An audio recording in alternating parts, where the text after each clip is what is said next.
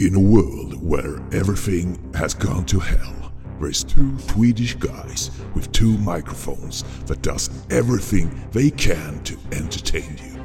They have decided not to give up on you listeners. They will continue their jobs to sort out the good from the bad in the world of movies. No one can stop them to put out their shows in the air. Now, sit back and enjoy when a brand new episode of TT Film Podcast come to you. Rated R.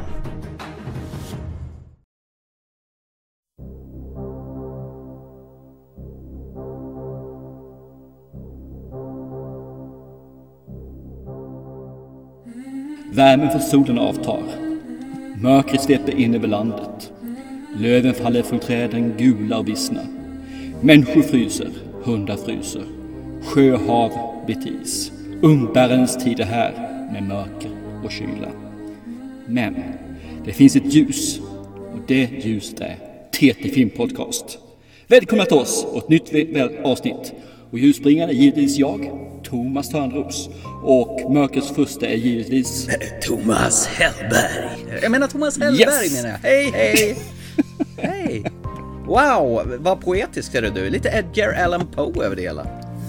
Jag kände att det behövdes idag faktiskt med tanke på eh, kylan som finns här ute, mörkret som sveper in. här. Snart går vi in här liksom, eh, ja, det är ju bara några dagar eller några veckor kvar så går vi in på eh, den mörkaste dagen på året ju.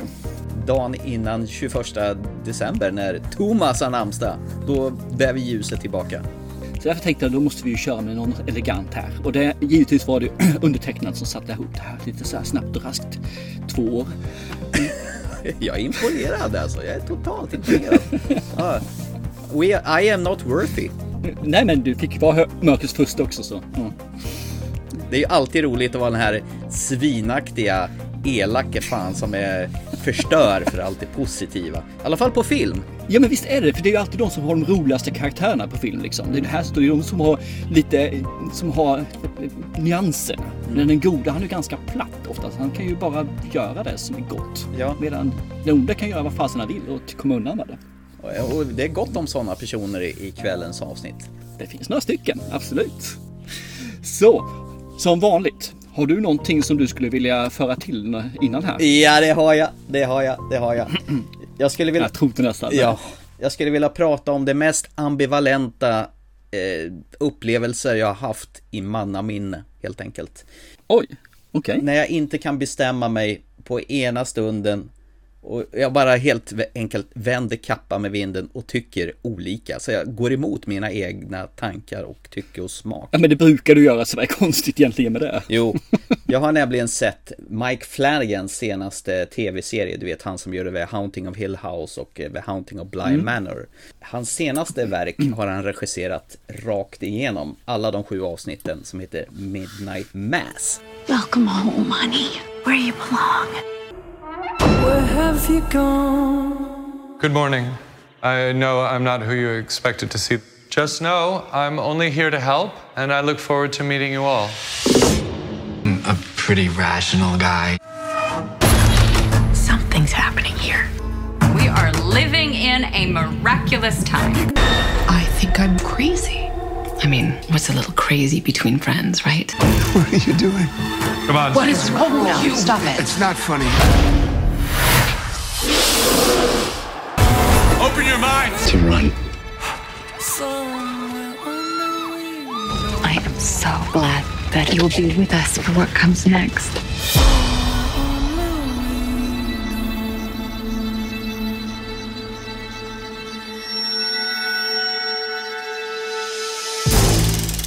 Är det någonting du har sett?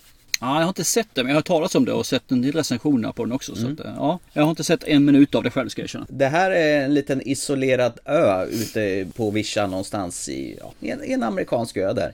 Som är väldigt religiös och du, man kastar sig in i olika karaktärer. Du har Kate Siegel förstås som spelar Erin Green. Det- Det är alltså Mike Flanagans fru och han stoppar ju alltid in henne i en av, sin, en av rollerna, helst i huvudrollen då. Eh, han verkar gilla sin fru och då vill han vara, och se henne lida i alla dessa serier och ja, jävlar vad han utstår elaka saker mot henne då. Hon är en sån här återvändande kvinna som eh, är med barn och sen eh, har du Riley Flynn då som har råkat kört ihjäl en kvinna på fyllan som kommer tillbaka till den här ön då. Och sen har du Bev Kane som är en superreligiös kvinna som bara väntar hem den lokala prästen då som ska leda de här vilsna själarna som bor i den här lilla hålan där. Det börjar som ett slags eh, religiöst drama som sakta men säkert smyger in lite sådana här onaturliga saker. Och det bästa är med det här att jag tittar ju aldrig på trailers, så jag hade ju ingen aning om vilket håll det här skulle barka. Men för att komma tillbaka till det där ambivalenta, det här är en serie som pendlar mellan att vara briljant, genialisk och alldeles långtråkig och seg. Och det verkar ju tala emot sig totalt. Mike Flanagan verkar ju ha en förkärlek för långa tagningar och långa dialoger. Och här drar han ju ut dialogerna i absurdum så att jag nästan ibland känner för att trycka på snabbspolningsknappen, vilket jag gjorde i några få fall. Jag vet, jag skäms, man ska inte göra så, men jag gjorde det. Och i andra fall i den här serien så är det så jävla bra, spännande och äckligt så håren reser på varandra. Summa summarum, för att inte göra det hela utdraget som den här serien är, eh, sju avsnitt med ungefär, ah, det, alltså total, totaltiden på serien är sju och en halv timme på de här sju avsnitten. Så de snittar ju ungefär en timme per avsnitt. Är ju att den är mästerlig. Mästerlig serie. Alltså i, i slutändan, jag, jag var så blown away så att det finns inte. Det här är nog fan det bästa Mike Flanagan har gjort.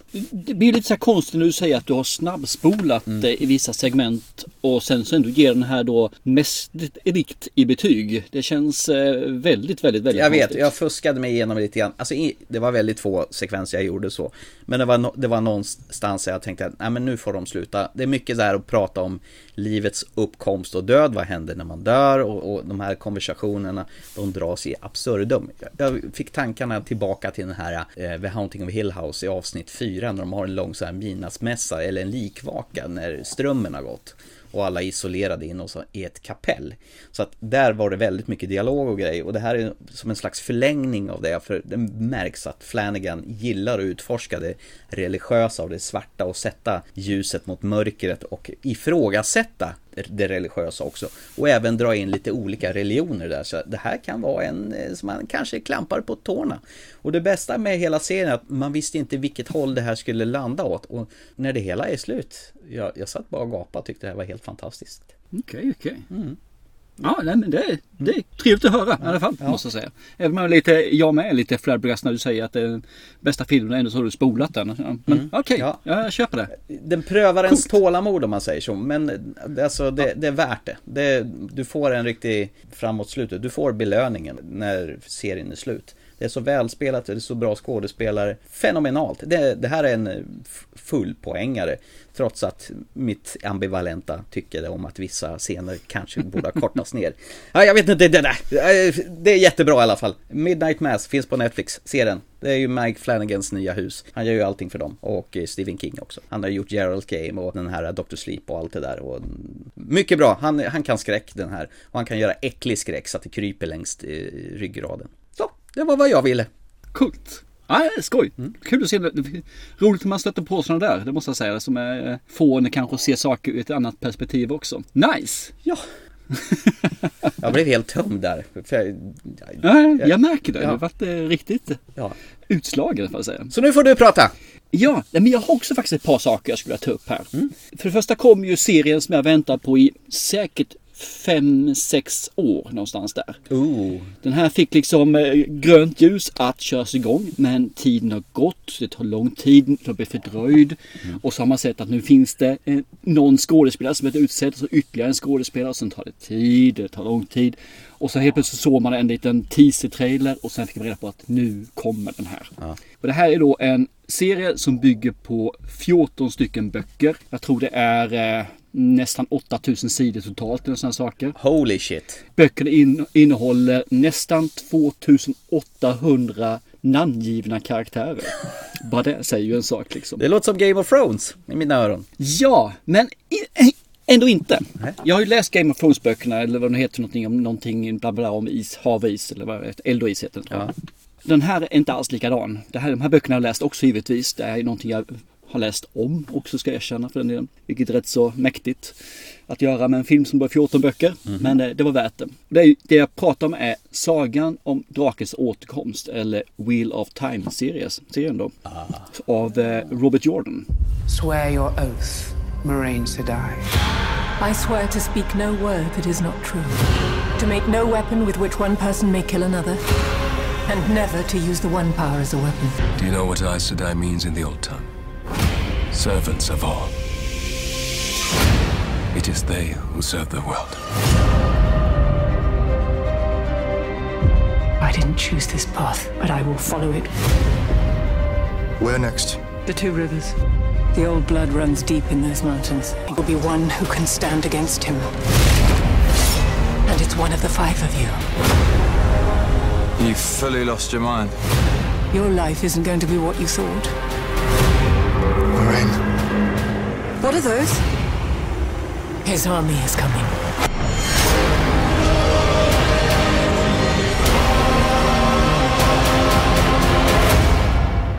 Do you think we'll ever go back? Home?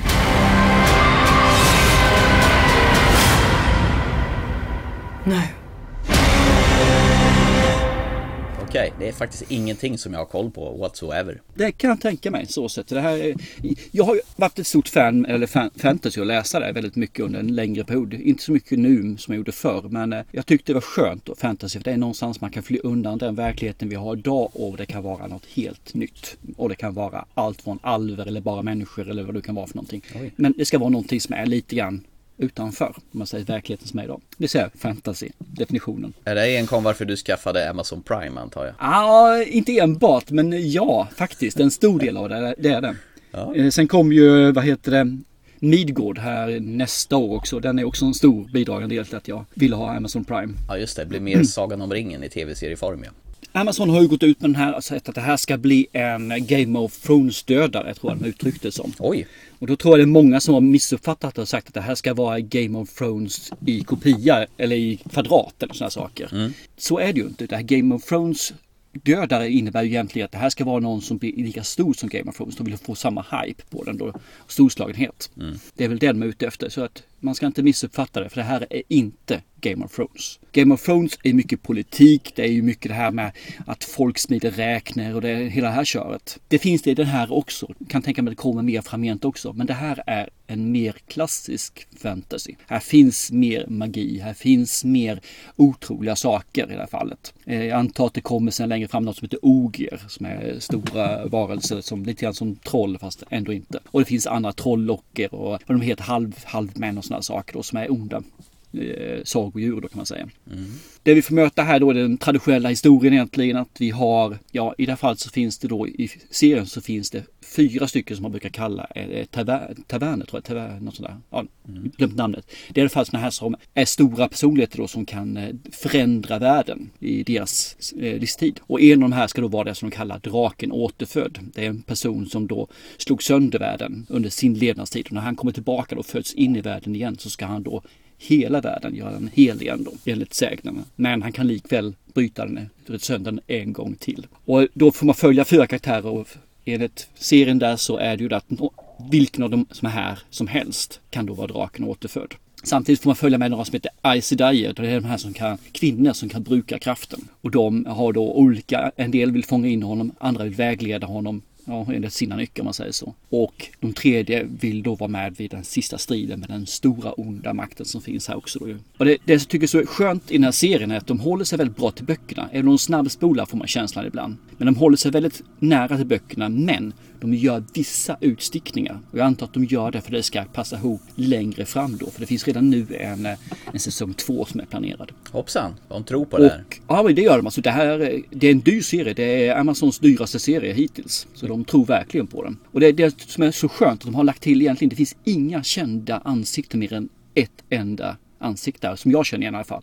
Och det är Rosamund Pike. Jaha, är hon med ja, just det. Men det har jag ju sett förresten på sådana här stora billboards de har gjort i USA på Times Square när det är sådana här 3D-billboards som kliver ur nästan genom eh, billboardsen. Och det är ju, har vi sett henne någonstans så är det ju, och det är med Jack Reacher, den första Jack Reacher som är med ju. Och så har vi med den här, vad sa du? G- Gun, vad heter den? Gun Girl är hon ju med i också. Ja, precis. Och I Care A Lot som också då kom här för ett tag sedan. Hon, hon är en stabil skådespelare. Jag tycker hon är väldigt, väldigt bra alltså. Hon kan... Eh, hon har många strängar på sin lyra om vi säger så. Hur mycket har du sett då av det här? Det har kommit ut fyra stycken avsnitt hittills. Den Nästa avsnitt kommer ju här den 3 december. Och du har sett alla fyra förstås, antar jag. Ja, jag har faktiskt sett de första tre jag har sett två gånger. För att Oj. jag såg det tillsammans med min son när han skulle se kapp. Så att, eh, så att eh, jag, jag har sett det lite grann. Jag, är, jag tycker det här är riktigt bra. Men det här är, är då en klassisk fantasy. Den är berättad som en klassisk fantasy. Så att det är inte så mycket naket. Det är inte så mycket sånt. Det finns lite blod och stänk och sådana saker. Det är fighting-scener som finns här också. Den är rätt storslagen bitvis. Men man ska inte gå in eh, och tänka på att det här, nu ska det bli naket, nu ska det bli mycket svordomar. För den är ganska så ungdomlig då, även om det finns en vuxen ton i den. Men den är fortfarande väldigt nedtonad med sådana saker. Och det var böckerna också faktiskt. Det var inte så mycket sånt i den. Och jag tycker det, de har behållit tonen väldigt bra från böckerna. Och jag tycker att det, jag, jag som fantasy-nörd och tycker det här är bra, tycker det här är som handen i handsken. Tycker man att fantasy är någonting som är nej, nej, då ska man undvika den här som pesten, absolut. Men vill man se någonting som är storslaget, framförallt vyerna är ju helt fantastiska i den här filmen, alltså, serien menar jag, så är det här klockrent. Om det inte går att jämföra med eh, Game of Thrones, vilket det låter som det inte gör, är det några likheter med Sagan om ringen då, eller någonting sånt åt det hållet? Jag, jag skulle nog hellre ta den mot Sagan om ringen, för storyline är ju densamma om man säger så och premisserna är ju ungefär densamma. Ja. Eh, Enda skillnaden mot Sagan om ringen är att det finns ju the one syndromet här då ju. Star Wars. Ja, lite grann åt det hållet då. Men jag vet att följer de böckerna lite grann här så kommer det inte bli den klassiska The One storyn. Utan de kommer att bena ut den här och göra den lite mer eh, förgrenad och lite mer... Eh, ja, det kommer att finnas mer stories och alla har sin roll att spela och det finns mäktiga vad heter, det, personer som finns med där och styr fast som inte är The One om man säger så. Han är inte alls mäktig på det viset som man kan, kan vara i vissa andra fall. Ja, men ta som eh, Neo i Matrix till exempel. Ja, just det.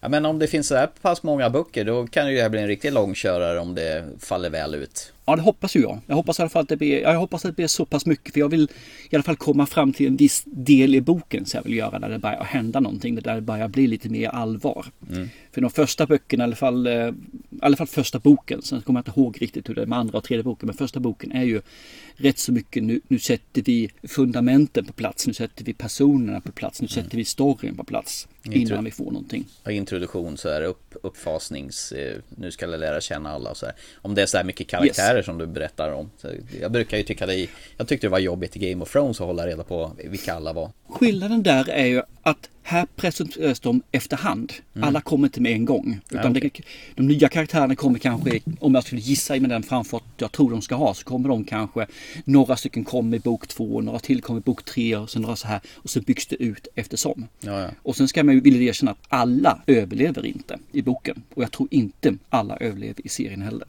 Och kan jag tänka mig att det är väl som där också att vissa avsnitt handlar om vissa personer och vissa avsnitt handlar om andra personer. Inte hittills men kommer säkert bli så ja. Ja, Nej, men vad spännande. Kanske Ja. någonting man får titta på eventuellt skaffa den här tjänsten också.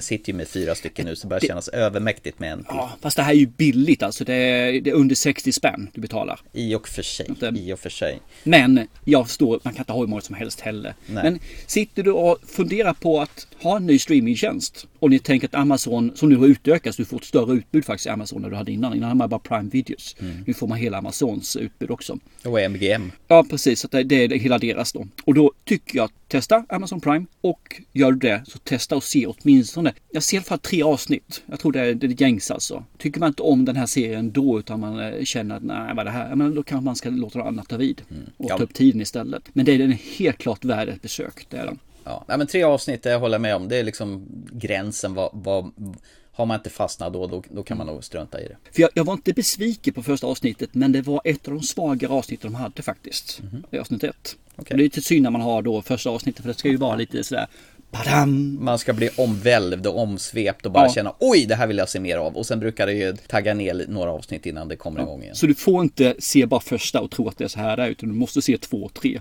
I alla fall avsnitt två som minimum. Ja men spännande. Ja. Jag har faktiskt en till som jag skulle vilja ta som en, en serie till som jag skulle vilja presentera. Oj, oj, nu jävlar han laddar på här på, på seriefronten här. Ja, ja. Ja, jag det. Du har ju kört nu så många veckor i rad här så jag tänkte nu måste ju jag också stå här för it's lite. Payback time. Och det här är faktiskt en Netflix-serie som jag är till 100% säker att du inte har sett. Okej, vad är det då? Det här är en animerad serie. Ah, den här, den här som dök upp här för några veckor sedan. Eh, som är, bygger på något spel eller någonting. Har jag fått, fått Mm. League of Legends bygger, bygger den på. Just det. Och Nej då, bygger på, i det fallet så innebär det att några, några karaktärer är med. Mm. That's it. Okej. Och det heter Arcane, heter den.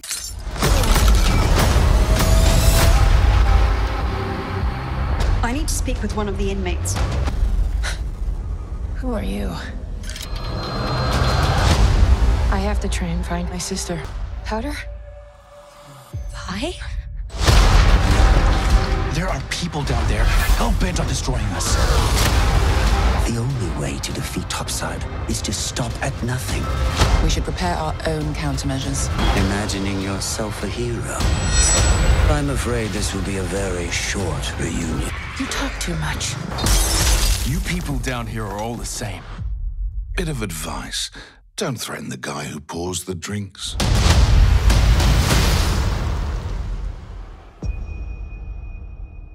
Här får man ju egentligen möta en stad så att det finns en, en ovandel och en underdel. The Undertown och sen kommer jag inte ihåg vad den andra heter för något faktiskt. Den här överdelen. De som bor ovandelen är ju välstånd och de där under är ju slummen. Och det finns ju rivalitet däremellan. Början är ju liksom att man, man får se när de har haft en fight mellan städerna i, i fråga, eller stadsdelarna i fråga.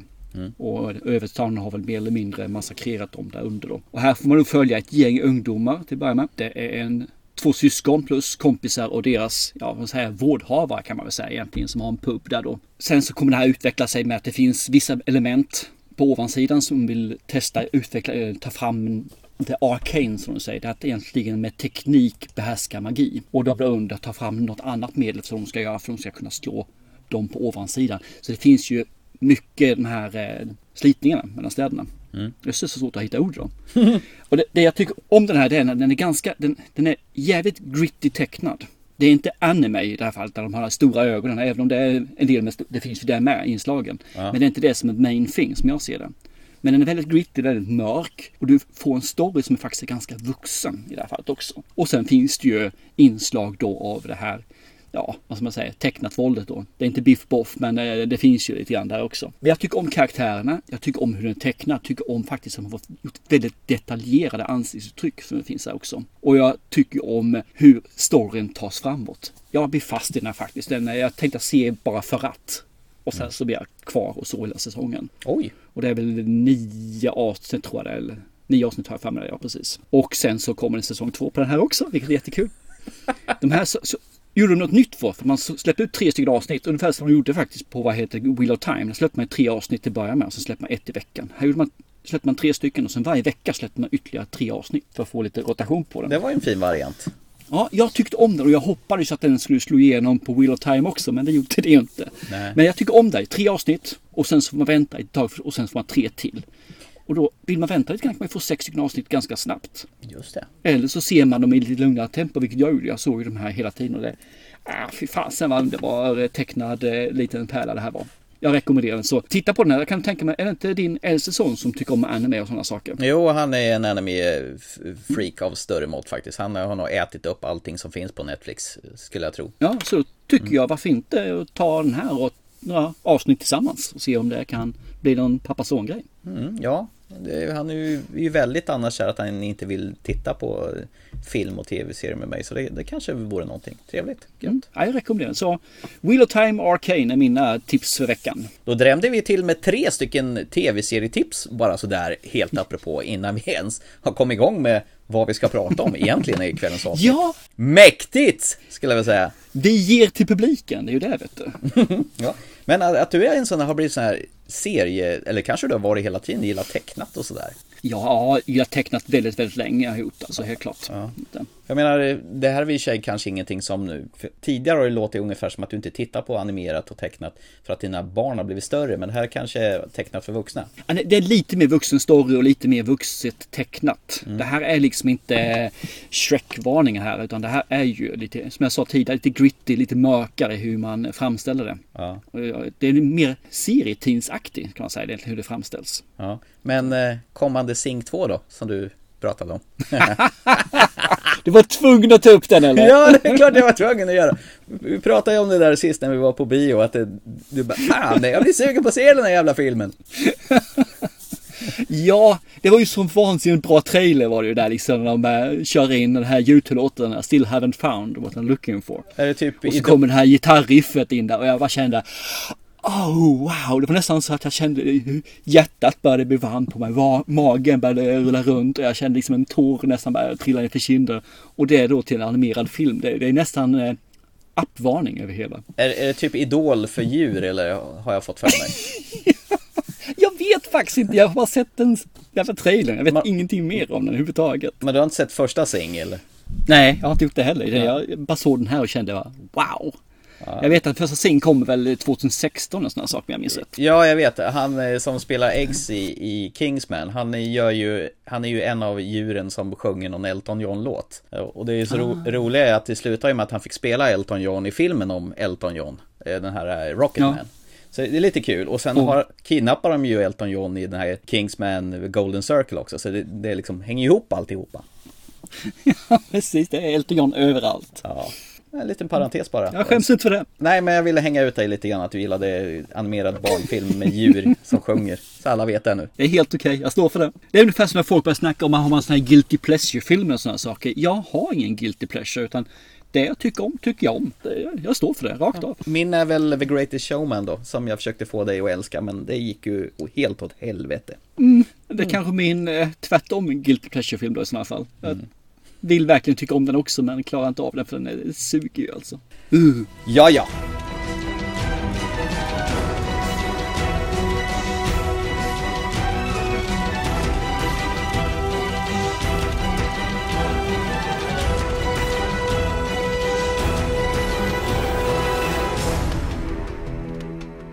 Ska vi rusa vidare och ta oss till eh, några, ja i alla fall en DVD, Blu-ray streaming aktuell film här som eh, landar här vilken vecka som helst. Då talar vi om eh, uppföljaren till skräck, eller skräck, tonårsmys, skräckisen Escape Room som kom för några år sedan.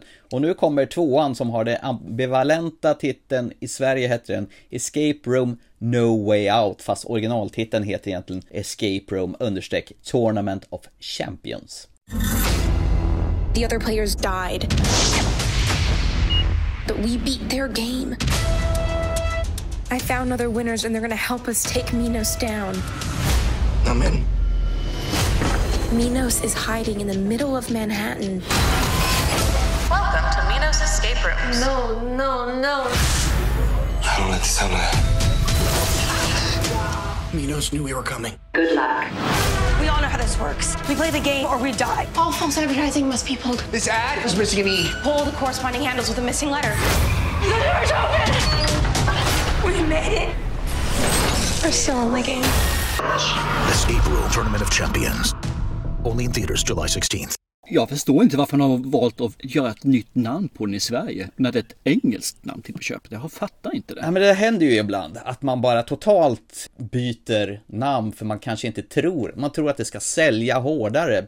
Jag kommer ihåg det var någon film med Dwayne Johnson och hans Stifler eh, som de kallade i Sverige för Welcome to the Jungle som egentligen heter The Rundown. Eh, fattar ingenting, men det är ju någon som bestämmer på filmbolaget eh, som har hand om distributionen i, i Norden och så här, det är ett dåligt namn, det kommer ingen att se, vi byter namn. Vad handlar den här om då? Den får du ta, tänkte jag. Det kan jag göra. Det här är jävligt bökigt att ta det här vad den handlar om. För när den här gick på bio, då hade den här en början och ett slut. Och jag började med nu när den här släpptes på Blu-ray och såg den här så kallade Directors Cut. Och den börjar helt annorlunda och slutar helt annorlunda. Så jag vet inte fan hur man ska närma sig med den här. Men man bör ju faktiskt ha sett den förra Escape Room, för annars så, eller du får ju en riktig, du får, det första som händer, att du får en recap av den förra filmen. De här personerna som har överlevt det här, att man blir inbjuden till ett spel, en massa vinstpengar och du blir inslängd i ett sånt här så kallat escape room. De blir lurade dit, för de fattar väl inte riktigt att det är ett escape room-spel som, som man eh, ska delta i. I förra filmen så lyckas en av den här huvudrollsinnehavarna, kvinnan då, eh, Zoe, sänka hela den här eh, organisationen som höll på och kidnappade folk och slängde in dem här i ett rum. Så hon har bestämt sig tillsammans med sin kompis Ben Miller att nu ska vi ta tag i dem här och sänka dem en gång för alla.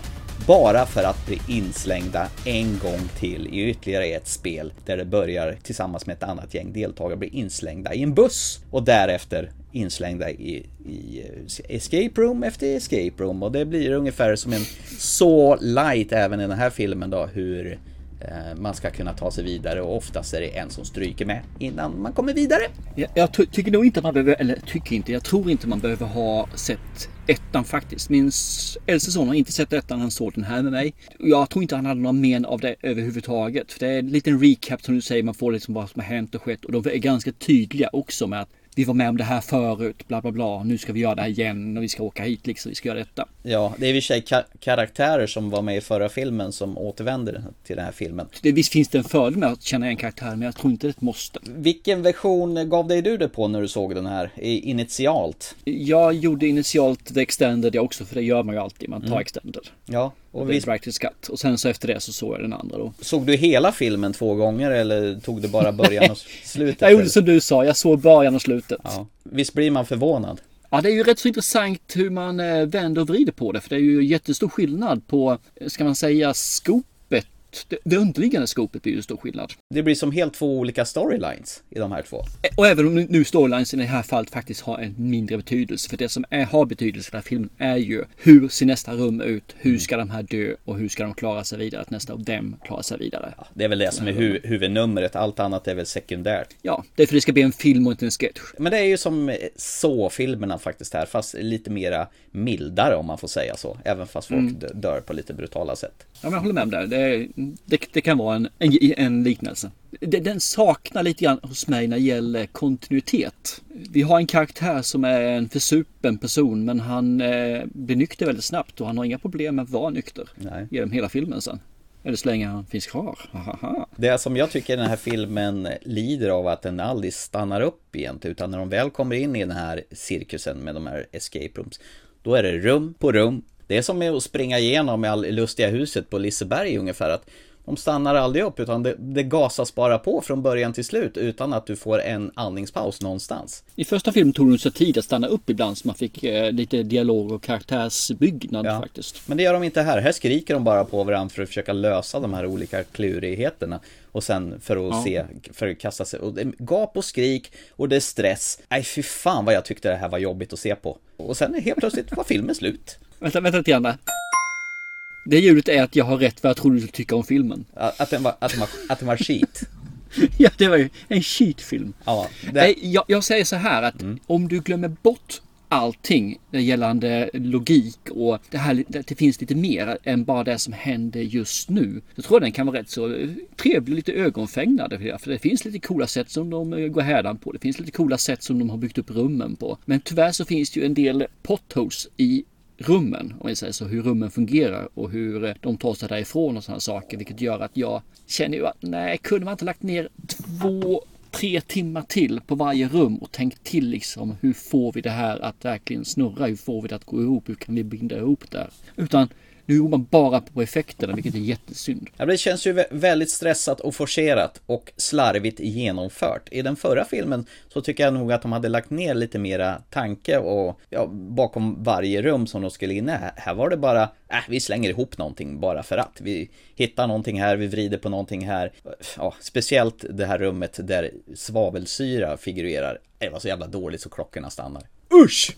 Man var- medveten att det här skulle ske. De fick liksom Eh, film 1 finns, fick en budget på 9 miljoner och spelade in 150 miljoner. Så jag menar på det, det fanns ju Det fanns ju inget alternativ än att det skulle bli en uppföljare efter det här. Det är ju tyvärr, hade de lagt ner lite mer hjärta och engagemang i uppföljaren som de kände som att de gjorde i den första filmen. Även om jag inte satte den jättehögt heller ska jag villigt erkänna. Men mycket, mycket bättre än den här. Så se om, se, har ni inte sett de här Se om ettan, ja, eller Se ettan, inte Se om. Då tycker jag ju att det är, varför inte? Budgeten i den här filmen var ju 15 miljoner så de har, har ju gjort den lite större men det känns faktiskt inte. Nej, de har Tyvärr. slösat pengarna på fel saker i så fall. Jag tycker faktiskt synd om de som såg den här på bio, för det är det är ju biovisionen eh, som eh, gick där. Då tycker jag nog faktiskt den här Directors Cut-filmen är, drar åt ett mer intressantare håll. Jag tycker början är mer kul och jag tycker slutet är mer kul. Och det är, det är så spännande att det är, ju, det är en specifik karaktär i bioversionen som överhuvudtaget inte får plats i Directors Cut. För du har ju en helt annan storyline typ de sista 20 minuterna. Det måste ju ha varit någon så här meningsskiljaktigheter med filmstudiosen och regissören om han gör så här typ av olika vägar att gå mot vad som släpps på bion. Jag kan inte minnas att jag har sett någonting sedan jag såg David Finchers Alien 3, för den är ju också väldigt olik bioversionen och hans Directors Cut. Jag har ju bara sett bioversionen på Alien 3 så jag kan måste se om den då och se ja. trean fast med hans klippning. Kan ja men den är, den är väldigt annorlunda mot eh, bioversionen faktiskt. Men det här var ju verkligen ett schizofrens upplevelse för jag tänkte, äh, nu har jag sett den. Men precis innan jag skulle förpassa filmen bort till dig, eh, så du skulle få se den, så såg jag, aha, okej, okay, det är eh, olika början, olika slut. Det är väl bäst jag tittar på det. Och jäkla vilken skillnad det var på film. ja, nej, det är lite synd. Man slarvar bort det som sagt. Jag tycker ju om sådana här typer av filmer annars. När mm. de ska ta sig ur klurigheter som betyder döden om de inte gör det. Som sagt var. Man hade kunnat göra det på ett så fantastiskt fint sätt. Nu gjorde man ju det här. Det känns som man kastade ihop den här på kortast möjliga tid för att få ut en film nummer två medan hypen fortfarande fanns kvar där. Och så lämnar man ju dörren öppen för en fortsättning förstås också. Och det känns ju som Givetvis. att det, det ska bli så här evigt pågående. Det spelar ingen roll vad de här får gå igenom utan det kommer aldrig sluta i alla fall för att vi hittar på mer djävulskap till nästa gång. Samma kanal och samma tid och samma plats. Om du nu överlever. Och det är lite kul faktiskt, som man säger så. Företag som driver det här då. För det finns ju ett företag, de heter ju Minas. Just det. Och det är ju de som har den här eh, grekiska mytologin. Som har den här labyrinten där minotauren finns. Där de offrar då sju pojkar, sju flickor var nionde år eller fjortonde år eller vad det var för någonting. Och det är väl där de kommer ifrån, att det är en labyrint man tar sig ut ur de här rummen då. Mm. En liten lekmod. Eh, min son såg den här tillsammans med mig också. Okej. Okay. Och det han sa var att jag visste inte vad de här personerna var för några personer. Jag vet inte vad de, de har ju vissa treats, vilka perks som han menar på liksom, men jag vet inte vem som är vem där. Jag, jag fick reda på den här killen var en präst, den här killen var det här och den här tjejen var detta. Jag fick inte lära känna, fick aldrig veta vilka de var. Nej, det Utan helt... det var ju väldigt mycket springa igenom som du sa liksom. Och han menar på nej, det här är skit sa han liksom. Det här är ju helt värdelöst. Tacka vet de gamla filmerna, ta upp det igen i de gamla filmerna. Liksom. Han är verkligen kommit tillbaka. Han tycker om de här 70 80-talsfilmerna. Ja. Men det, och jag kan inte hålla med om att det här är problemet. Man får inga karaktärer och man ska, får liksom ingen anledning till att jag ska sympatisera och hålla på att någon ska leva. nu snor du ju det jag brukar säga, att du måste ju känna med folket för att du ska bry dig om dem. Om man inte gör det så skiter man fullständigt om de lever eller dör. eller hur? Nej, jag, jag, behöver inte ha det. Nej. Jag behöver inte alls ha det att jag känner, jag kan likväl känna att de ska dö. Det hade varit jättebra, men jag känner inte ens det. Att jag tycker att de ska coola de här. Det finns ju ingenting överhuvudtaget så jag får ingen presentation. Det är ju bara ansikte på en eh, kartongplatta liksom. Mm. Jag får ju ingenting överhuvudtaget från de personerna. Det är varken L och L utan de, de kunde lika väl vara, ja, en maskros på ängen. Vem bryr sig? Ja, lika innehållslöst. Ja, ja men lite grann så. Liksom, en maskrosor är ingen vardag. Tänkte jag, men... fast, fast det kan ju vara fint med lite maskrosor på en äng istället. Ja, men inte en. Nej, det är tyvärr. Alltså, jag är jätteledsen. Alltså, jag hade hoppats att det skulle vara en sån här liten gosig film. Eh, som i alla fall höll eh, en OK nivå på det. Men det här är liksom inte ens en med-film. Utan det är ju en blä-film alltså det här. Ja, det är mer det var ungefär som jag kände mig häromdagen när jag hade varit på julfest och druckit alldeles för mycket rödvin. Eh, fick lite kräks i munnen faktiskt.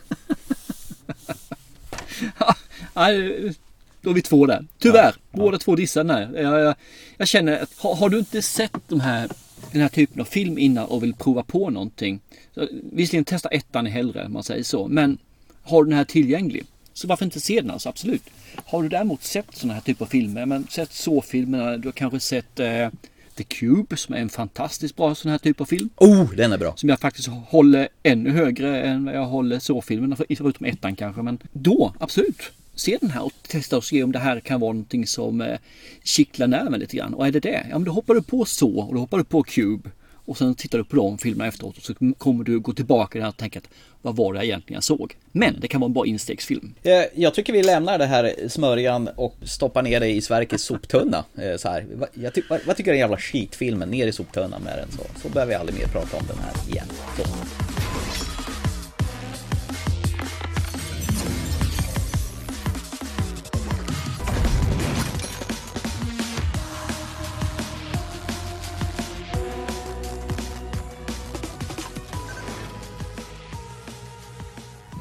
Ska vi snabbt marschera vidare?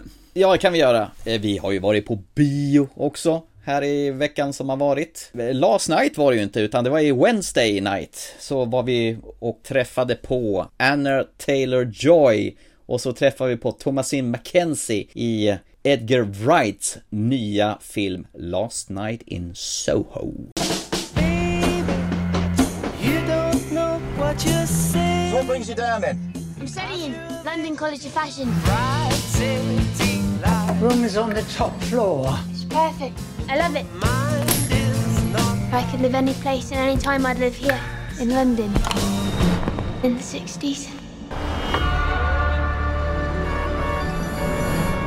Last night, I saw something in my dreams. There was a girl. And you are? Sandy.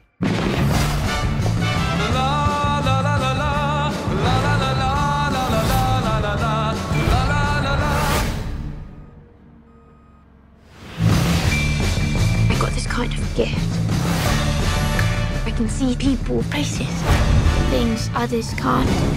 This is the closest most people ever get to their dreams. Dreams. Jack, I don't want to do this. You think you can just walk away? They really happened. What did you see? Do you believe in ghosts? You can't save me.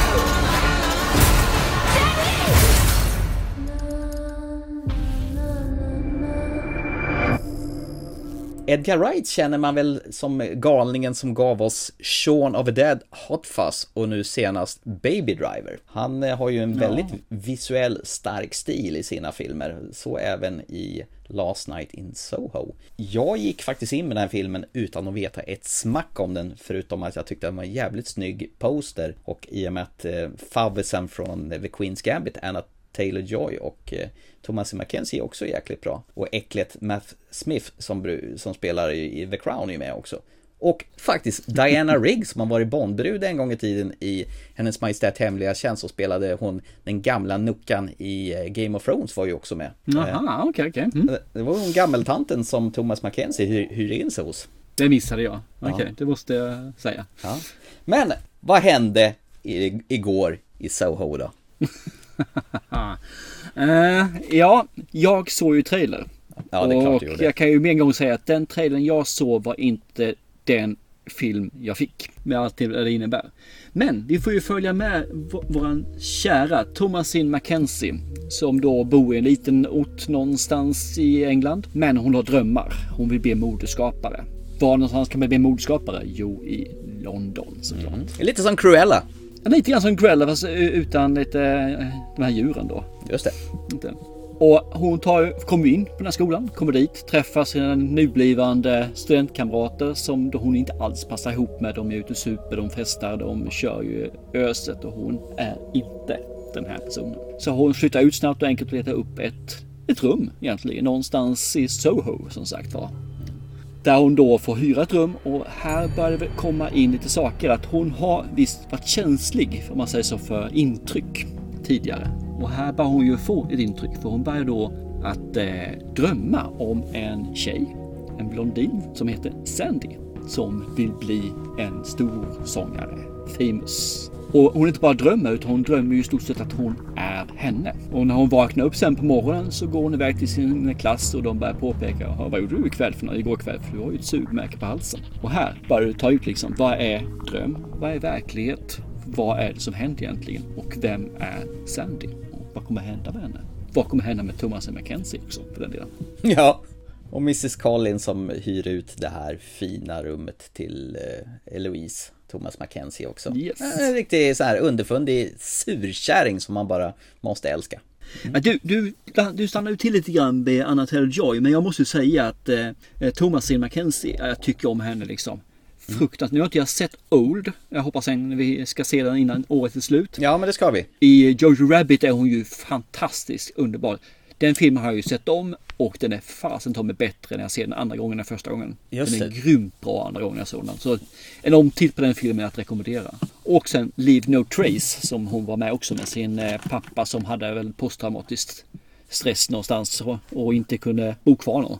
på ett och samma ställe kan jag säga. Mm. Nej men hon är ju faktiskt en star uh, uprising och det är som du säger i Jojo Rabbit så är hon ju fantastiskt bra. Så hon har jättebra samspel med den unga pojken då som eh, har Ja. Hitler som eh, låtsaskompis där. Ja visst, och eh, Scarlett Johansson är med där också. De har ju en väldigt fin dialog där också i en scen av filmen. Ja, där måste höja upp henne lite grann sjuan också, inte bara tänka på Anna Taylor-Joy som är då Queens Gambit eh, wannabe, tänkte jag.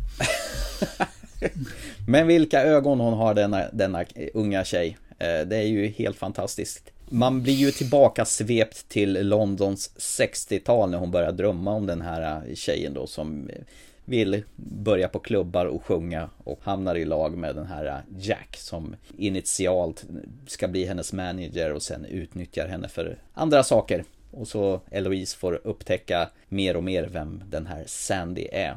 Som en slags spegelbild i hennes drömmar. Eh, du sa att du såg en trailer och du fick inte alls det du förväntade dig i trailern. Vad va, vad ljög trailern om då? Jag kan inte säga det faktiskt, för säger jag det så ger jag bort lite grann av filmen. Nej, det får du inte göra. Så att det är det som är problemet. Eh, Men jag fick ett intryck av, av trailern liksom att det här skulle vara mer det ordinära, om vi säger så då. Ni får se trailern ni som är intresserade av det. Och sen så efter ni har sett filmen så kommer ni förstå vad jag menar.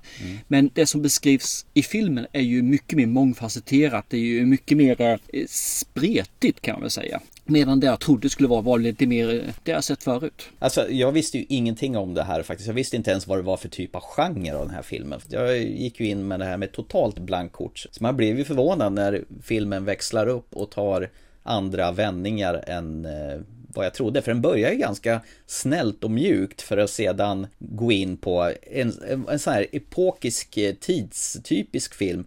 Tillbaka till 60-talet. De har iscensatt biopremiären av eh, James Bond-filmen Thunderball med de här stora billboardsen. Och bilar och musiken och framförallt proppat med 60-talsmusik. Likt som de gjorde i Cruella. Så jag drar paralleller till den sätt och vis här också. Och den här töntiga dansen som var på eh, 60-talet det twistas och det flaxar med händerna. Ungefär som de gör i Pulp Fiction när Travolta dansar med Uma Thurman. Bara det här tidsdokumentet som är så välbalanserat och och så snyggt gjort. Och när, och när hon kastas tillbaka till det dagens London och deras undergroundfester och allt. Ja, det här är ju alltså en visuell bländande pärla som jag, jag blev så fruktansvärt kär i den här filmen så det finns inte. Ah, coolt, det får jag säga. Hade du en aning om att det skulle gå åt det hållet som filmen eh, under den tredje akten eskalerade till? Jag hade inte den blekaste faktiskt. Nej, den tog vändningar den här filmen. Eh, både två och tre gånger tror jag innan jag landade, om vi säger så. För den, den är väldigt, som jag sa, spretigt. Men man, en film kan vara spretigt på i uppbyggnad och hur man presenterar den. Och så kan den vara spretig i vad den tar vägen någonstans. Och Den här filmen är spretig i vad den tar vägen. Jag blev, blev faktiskt lite så här tagen. Jaha, var det den här typen av film? Nej, var det den här typen av film? Nej, det blev den här typen av film. Ja, okej. Nu kanske jag var med. Nej. Så att det, det gjorde ju att man var ju på tå hela tiden. Man var tvungen att vara på tå hela tiden. För var man inte det så då tror jag man blir bortkollad ganska snabbt. har ju lagt ner en jävla massa krut på den visuella designen och estetiken i den här filmen och det är väl främst det jag full pladask för samt att det är ju väl spelande skådespelare rakt igenom det här. Det här är ju en A-list cast så det heter duga. Och just det här när man blandar musiken, det är ju som ett jäkla kinderägg. Det börjar på ett sätt, du pillar av eh, pappret ur den här, äter upp chokladen och längst in så har du den här leksaken där som, det, här är ju tre filmer igen egentligen. Eh, Och, och jag älskar det. Jag- Jag tycker det här är på riktigt är en av årets bästa filmer som jag har sett i år. Mm. Jag är nog inte riktigt där. Inte ännu i alla fall. Jag får nog låta den kanske, en omtid kanske behövs för den här filmen innan jag jackar upp den. Men det känns som jag skulle kunna jacka upp den om jag tittar på den igen. Men eh, den, den är väldigt, väldigt bra. Det är den alltså. Absolut. Den, har mer än den ordinarie filmen att presentera. Verkar ju som att det var fler som tycker att det här är, som du säger, väldigt bra karaktärer och bra prestationer på de som spelar karaktärerna. Mm. Eh, Edward Wright visade upp den här för George Miller i en Mm. tidig klippning. Och han blev ju så imponerad av Anna Taylor-Joy så att eh, han erbjöd henne en eh, ja, huvudrollsdel i hans nästa film, det här är Furiosa. Så hon, hon ska då få huvudrollen där med en gång.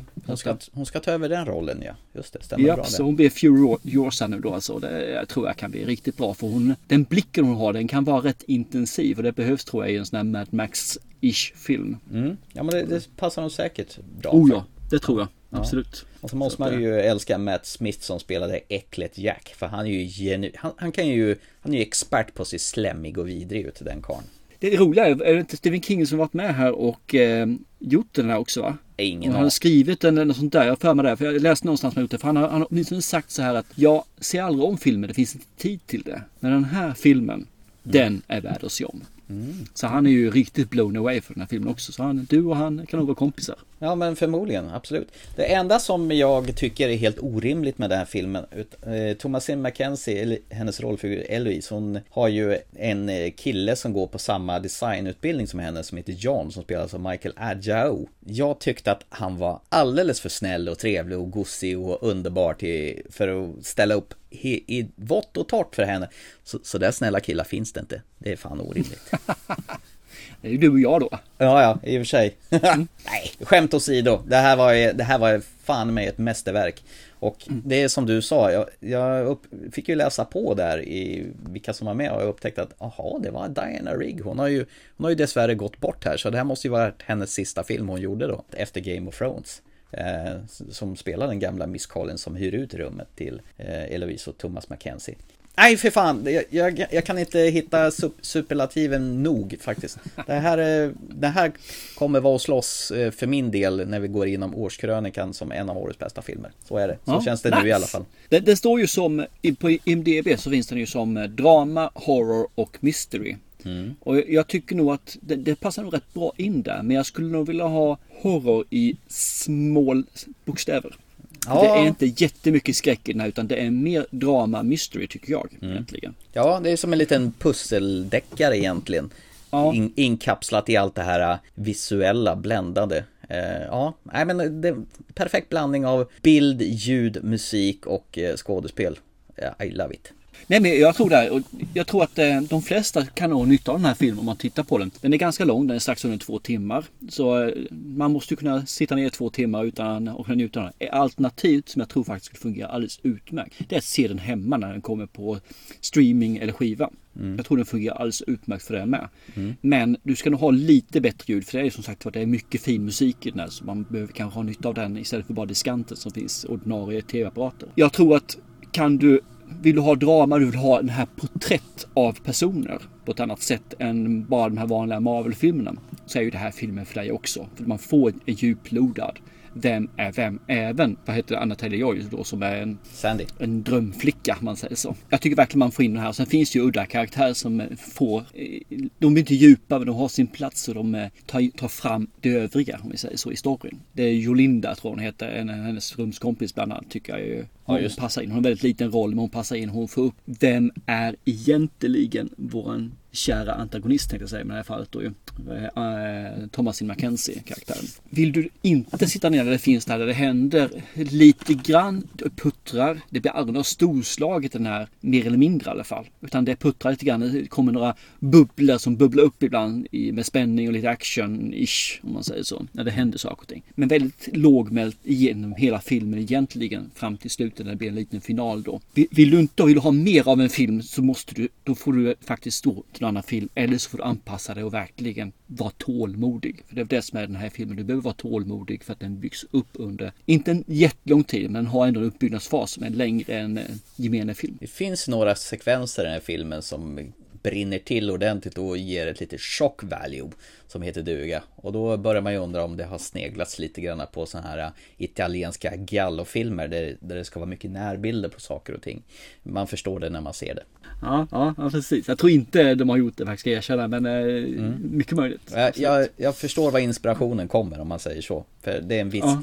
stil och ett visst sätt att presentera lite grisiga saker i, i närbild om man säger så. Filmen är ju inspirerad från Rösten från andra sidan från 73 och Repulsion från eh, 65. Det är ju där inspirationen till filmen har kommit. Så att, men, ja, jag tyckte den här filmen var jättebra också faktiskt. Det var inte så. Det är bara att jag eh, behöver nog landa lite grann i en titt till innan jag kan sätta mitt officiella. Och då får man se vad den tar vägen någonstans. För det kan ju ta vägen att det blir bättre, samma eller till och med kanske att nej, det håller inte riktigt. Men vi får se. Till årets slut så hoppas jag att jag har kunnat sett den. Nej, Jag tyckte det här var en upplevelse. Just det här, och jag tycker definitivt att det här passar på stor duk. För det, det visuella är så himla mäktigt så här stort.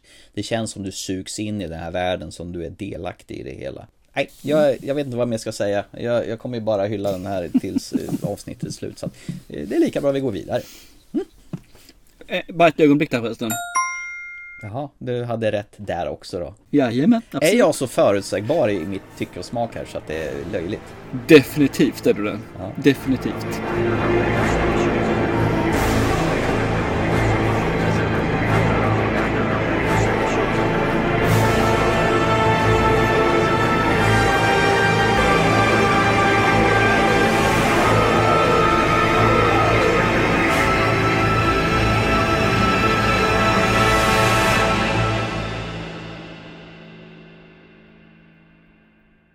Får vi se om du får rätt med nästa film då. Och det är den Blu-ray, DVD och streamingaktuella filmen Candyman från 2021.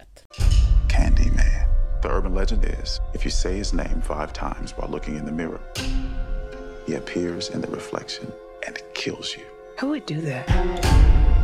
Candyman. Candyman. Candyman. Candyman.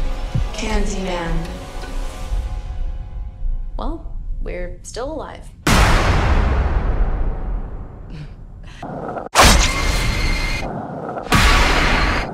This isn't funny!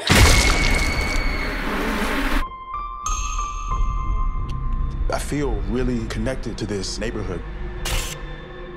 Cabrini Green. It was the projects. I just moved in around the corner. The old candy factory. I'm an artist. You look looking for Candyman? He's the monster that's part of this neighborhood. Why are you drawn to this? I'm hoping to spread the story all about Candyman. The mirror invites you to summon him. You should say his name. I dare you. Candyman. Candyman. Candyman. Candyman.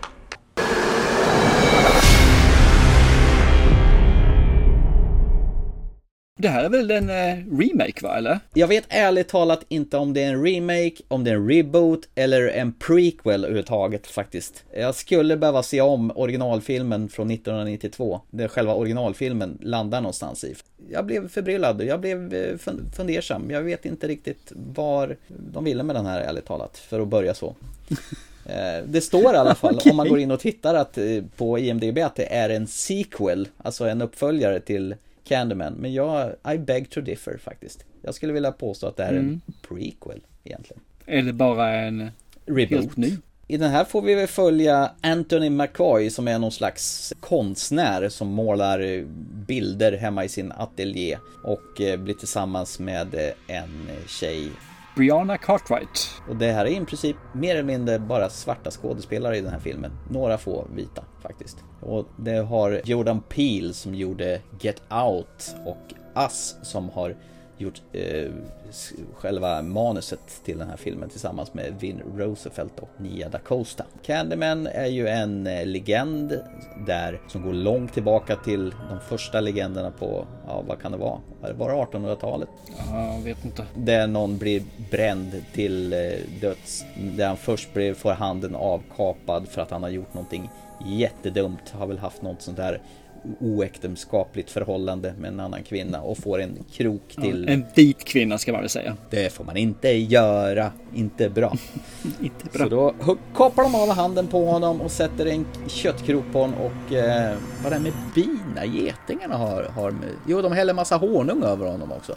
Ja, det är liksom, jag vet inte hur mycket du ska gå in på det här förresten får jag säga. För det, det här är ju rätt långt in i filmen du förresten. Men det här är ju liksom, har man sett gamla Candyman så har man väl egentligen legenden för sig i alla fall. Ja, okej, okej. Ja, okej. Jag har inte sett några faktiskt gamla Candyman så jag kan inte säga någonting. Så då får du fortsätta. Okej. Ja, i alla fall. Och eh, legenden säger i alla fall när man tittar i en spegel och säger Candyman fem gånger så frammanar man den här karaktären. Och han är jättearg och dödar alla i sin väg och slafsar igenom folk. Blodigt och splattrigt och det är väl vad det handlar om egentligen. Att man eh, tar fram The Boogeyman egentligen från eh, det förflutna. Och så någonstans här har, har man skapat en bakgrundshistoria om en konstnär som börjar få eh, något litet konstigt eksem på händerna som sakta men säkert blir mer brännskadad. Och ska man fundera på, är han den nya Candyman? Eller? Det, det jag tycker om, eh, för- först, först, först det, finns, det fanns bara en enda person jag kände igen och det är Coleman Domingo. Vem var Det det? är han eh, som är tvätt, tvättautomaten. Han Ja, med den här mäktiga rösten får man väl säga. Han har ju en riktig eh, mäktig röst. Ja, han som förklarar allting, hur allting ligger till för ja. Anthony McCoy. Precis, och han ja. har ju sett i Fear the Walking Dead. Jaha, ja, den har jag bommat totalt så jag vet inte. Nej, jag har sett ett par säsonger. Men jag tycker om deras sätt att göra berättelser med sådana här silhuettdockor. Ja, med... Så det är liksom bara dockor som de för framåt som är ja, papper och så vänder de på sig så är de helt så här, tvådimensionella bara. Jag tycker om det sättet de gör det för det blir jävligt visuellt och det blir väldigt snabbspolat utan att det blir konstigt. Mm. Och det blir eh, snyggt får jag säga faktiskt. Jag tycker om det. Mm. Att, för mig var det så här, ah, nice take. I like it. Tänkte du förresten på när filmen började att Universal var spegelvänt och bron var spegelvänt och de här eh, andra spökbolaget som var med och filmade också var spegelvänt? Nej. Nej. Du, du reflekterar inte att Universal inte gick att läsa? Det var bak och fram? Jag tittar inte på det. Jag kör igång den här, sen så väntar jag till att eh, filmen går igång. Innan dess dricker jag lite kaffe eller något annat liksom. Här har de liksom varit kreativa och tänkt nu ska vi skoja till det lite grann för man tittar genom en spegel här. Och så tänker du inte ens Ja, har ju hellre att de är kanske lite kreativa i filmen istället. Som jag ska titta med, på. Med sådana här siluettfigurer då med... Ja. Precis. Man hade när man var barn, när man hade på bulgariska tv-programmet.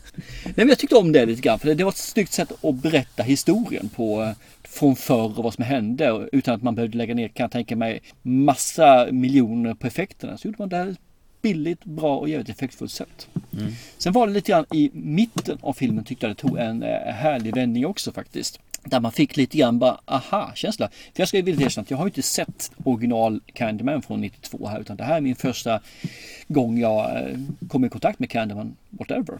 Så för mig är det här liksom en eh, första första gång. Ja. Jag tycker du ska backa och se eh, originalet faktiskt. Mer pondus överhuvudtaget är det på den skådisen. Mm. Det är okay. även han som spelar den här eh, har, har, du sett Final Destination filmerna? Ja, absolut. Han som är på det här äh, krematoriet eller vad det nu är. Mm. Han, det är ju samma skådis. Han heter Todd eh, någonting. Tony Todd heter han ju förstås. Och han har faktiskt en liten, liten, liten cameo i den här filmen också. Bland det sista man får se i den här filmen. Och det är därför jag funderar på om det här är en prequel till original Candyman. Då är ju frågan om det här är en prequel så borde han vara yngre den karaktären i sådana fall då ja. Mm. Är han det? Mm. Mm. Ja, mm -hmm. jag, jag vet inte. Tänk på den, tänk på den, tänk på ja. den. Mm. Nej men alltså jag, jag, tycker den här filmen är väl lite grann vad jag förväntar mig från den. Marvel-filmerna har format A1.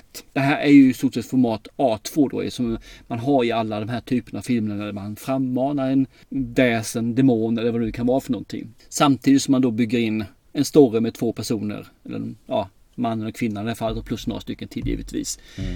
Det, det, är inte mycket mer än så. Det fanns vissa saker som jag tyckte var lite gosiga med filmen, hur man gjorde nytaken. En av de sakerna var just den här faktiskt med pappfigurerna som jag tyckte var rätt nice. Mm. Men det, det, är en ganska, vi har sett den förut historia i den här filmen. Så den ger liksom inget eh, mervärde, tycker att den bygger vidare, den gör någonting utöver det jag har sett tidigare eller det som har fått presenterats för sig både två, tre och fyra dussin. Mm. Men för den saken skulle jag inte säga att de gjorde det dåligt faktiskt. Jag tycker de har fått oförskämt dåligt betyg på IMDB där de fått 5,9 liksom. Kanske inte mycket, mycket högre men jag skulle ge den åtminstone en, tycker den skulle komma upp på en 6,5 någonstans där åtminstone. Nej, det är för högt. Okay. Ja, okej okay då. Nej men alltså, det här, det här är, det är, man får det man förväntar sig i den här filmen. Varken mer eller mindre. Mm. Så jag tror att ser man den här filmen så är man ute efter en viss sak och den här filmen levererar den saken. Kanske att den levererar lite för lite när det gäller Gore. Man skulle ha lite mer eh, våld och se lite mer. För det är ganska så här att man det finns en dörr man ser en dörr springa bara så man ser lite grann vad som händer. Ja. Och ibland sticker det ut och är lite splattrigt då. Men det, det, är lite för mycket att man gömmer undan saker känner jag. Mm. För att det ska bli riktigt den här, yeah, häftigt, nu eh, kommer det in älvar, nu kommer det blod. Den här ja. riktiga goren då. Man kunde ha slafsat på lite grann där. Det är exakt som du säger, ja. det, det slafsas på i periferien. Det jag har invändat till också att i vissa scener så ska det vara så att man inte ser Candyman utan offren som blir dödade de hänger i luften och blir dragna längs golvet utan att man ser det. Jag fattar inte varför. Har han kommit fram då kan väl... Ja, men det fan... kan jag köpa. Det kan jag göra. För det ska ju bli lite mer, att man inte ser innebär ju att det blir lite mer eh, spännande, mer hemskt. Så det kan jag köpa rakt av faktiskt. Nej, jag tycker det ser billigt ut. Nej, för Candyman är ju inte hemsk, eller hur? Han ser ut som en jävla töntgubbe i sin här... äh, Så om du har sett honom dra någon i foten så hade det blivit, blivit mer spännande. Det är mer, mer spännande i sådana fall om man inte ser personen i fråga. Så jag tycker du har fel där. Helt Ja, fel. okej. fel. Fel, fel, fel, fel, fel. Ja, ja. Det som är sämst med filmen i alla fall det är huvudrollen Jaha Abdul Matin 2, alltså han som spelar Anthony McCoy. Han kan ju fan inte agera överhuvudtaget. Han springer bara runt som en jävla kyckling i den här filmen. Usch vad han är dålig. Kyckling?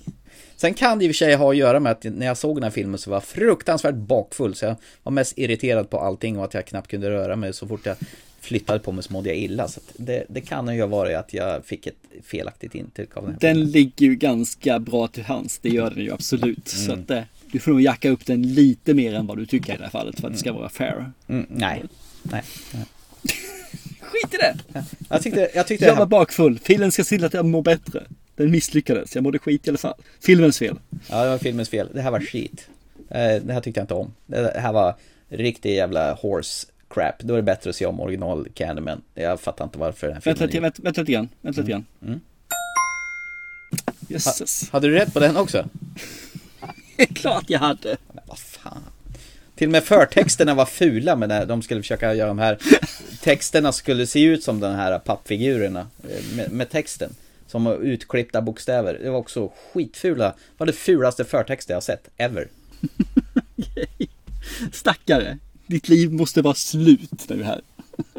Nej, det här tyckte jag inte om. Det här skar sig. Det var som en, en bränd eh, bechamelsås som har skurit sig för man har kört den för varm på stekpannan. Och, och själva upplösningen ty tyckte jag inte heller om för det var ingen upplösning utan det var bara Det var, var ett icke-slut det här. Tyckte jag inte. Nej, skit. Ja, ja, okej. Film ja, var skit. Ja, de lämnar öppning, det gör de ju. Men det, ja. Nice. Nej, men, eh, jag tror liksom att återigen, de som tycker om den här genren, de, de kan ha nytta av den. De som, eh, som jag som har sett ganska mycket genren och inte är något fan av den ska nog hålla sig borta. Och alla som inte tycker om horror överhuvudtaget ska ju definitivt hålla sig borta. Och vill du inte ha slafs så håll dig borta. Vill du ha mycket slafs, ja, då finns det bättre filmer. Den, den är lite eh, mellanmjölk på något vis. Mm, verkligen mellanmjölk. Det var som den här light-mjölken man kunde köpa förut vid de här gula förpackningarna. Så det var typ 90% vatten och en halv procent eh, mjölk. Så var den. Mm, exakt. Minimjölk kallas det va? Minimjölk ja, exakt. Det finns inte längre. Mm. Och det borde inte den här filmen heller göra. Finnas längre. Bort med den. Bort.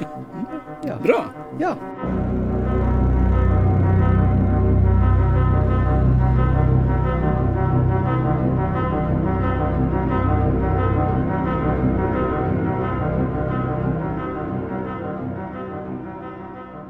Nu går vi in på återtiteln här ju. Alltså segmentet. Filmer från förr som vi nu ser med äldre ögon. Det var faktiskt min tur att välja den här gången.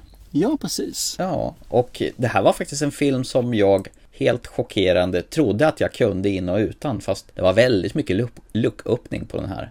Talar jag då om Luc Bessons film från 1994 med Jean Reno i huvudrollen och eh, Gary Oldman och en väldigt ung Natalie Portman i filmen Leon. Eller som den ibland heter The Professional. You can't stop what you can't see. This guy came from the outside. He was a pro. He was fast. In the art of the kill, Leon was the master. Somebody's coming up. Somebody's serious. He never missed a hit. He never got caught. You're indestructible. Bullets slide off you. You play with them. And above all else, he never had a reason to care. Until now. I like these calm little moments before the storm. My family was shot down by DEA officers. Three kids here. One of them is missing. Find her. From the director of La Femme Nikita, If you don't help me, I'll die tonight. I can feel it. an innocent girl with no one else to turn to. What exactly do you do for a living? Cleaner. You mean you're a hitman? Cool. Vad hade du för minne av den här då, när du såg den för hundra miljoner år sedan? Vad vad var din känsla då? Väldigt mycket spridda skurar om jag säger så. Jag kommer knappt ihåg handlingen på det viset. Eller kanske lite grann gör man då. Känslan har det varit att jag tyckte det var en cool film. Alltså Leon var ju en cool gubbe. Han gick runt och mördade folk. Han hade massa vapen på sig. Han hade handgranater, han hade det ena och det andra liksom. Sen så kommer jag ihåg lite den tjejen som i fallet som man då skulle lära upp och hon var ju med. Men jag kommer knappt ihåg någonting överhuvudtaget om det alls. Nej. Egentligen mer att hon var med där. Varför hon var med hon vet jag inte. Och sen så har jag för mig någonstans där tabbar hon sig. Var min känsla. För att sen då att de behöver reda ut det så att han kan rädda henne. That's it. Det är i stort sett det jag kommer ihåg från den här filmen. Upptäckte jag när jag såg den. Själv då? Jag kommer ihåg Gary Oldman, att han var en riktig jävla psykopat. Han som käkar mm. något tablett och knäcker på nacken och så vill han döda folk till klassisk musik. Det sjuka är att jag hade för mig att det spelades klassisk musik när eh, det här brutala mordet mot han, hennes familj sker. Men det var ju bara han i, i huvudet som gick och dirigerade faktiskt. Så det mindes jag tokfel, ska jag vilja påstå. Och sen det här att han är väldigt motvillig att ta hand om henne då. Eh, men just det här att, att han ska träna upp henne då, för att han, hon inte har någonting kvar, det kommer jag ihåg. Men jag kommer inte ihåg hur den slutade. Gjorde du det? Kommer du ihåg hur den slutade? Nej, det gjorde jag faktiskt inte. Ovanligt för vad du. Gjorde jag inte det. Nästan pinsamt. Mm. Sen, sen kommer jag faktiskt inte ihåg Gary Oldmans yrke i den här filmen faktiskt. Det kom också som en jävla plot twist. Det minns jag inte, utan jag såg bara honom som en jävla kriminell psykopat som går in och mular hela hennes familj. Så att det var också en ja. öppnare för mig. Det jag berättar vad jag kommer ihåg, så det här blir i stort sett som en ny film för mig. Mm. Att se en, en, en, gammal film, utmaning mer eller mindre blir det här för mig. Det handlar ju faktiskt om Matilda, hon är 12 år fast hon påstår ju att hon är 18 i alla lägen. Hon bor ju till sin misär till familj. Det är väl egentligen bara eh, hennes pappa är ett jävla svin som misshandlar henne. Han har ju skaffat ny kärring och det är egentligen det enda han hon ser någon tillhörighet som det är väl hennes fyraåriga lillebror som tycker om att gosa och det är väl hennes ljuspunkt i livet. Annars så blir hon mest misshandlad varenda dag. Och farsan håller ju på med kokainsmuggling och kriminella akter och, och en dag så kliver ju Gary Oldmans rollfigur Stansfield in och talar om för honom att nu har du gjort bort dig din jävel. Du har på dig till klockan 12 imorgon och reda ut det här. Annars kommer vi hit och så får du betala. Och det får han ju göra för att eh, de kommer ju in dagen på och mejar ner hela familjen då. Eh, Matilda som tur är har ju gått ut och eh, handlat mjölk. För hon har ju lärt känna sin granne Leon då som spelas av John Reno som är en väldigt kufisk typ där som tar väl hand om sin gröna planta men på fritiden så mular han folk för pengar då helt enkelt. Och tack vare att Matilda är ute och handlar mjölk så undkommer hon att också bli dödad. Hon har ju ingenting kvar så att hon vädjar ju då till Leon som en slags eh, vuxen person att nu får du hjälpa mig och, och hämnas på den som har dödat åtminstone lillebrorsan för det var väl egentligen den enda hon brydde sig om där. Farsan var ju skitstövel, morsan var en skitstövel. Syrran var väl okej okay ändå fast hon tränar till sån här klassisk 80-tals gympaprogram. Hon var ju bara tjock. Ja just det. Yeah, right faktiskt. Exakt, fast ja. inte var det. Ja. Men det är väl det där, så får man ju en följa deras relation får man väl säga då. Framåt genom filmerna, där hon är som hon är.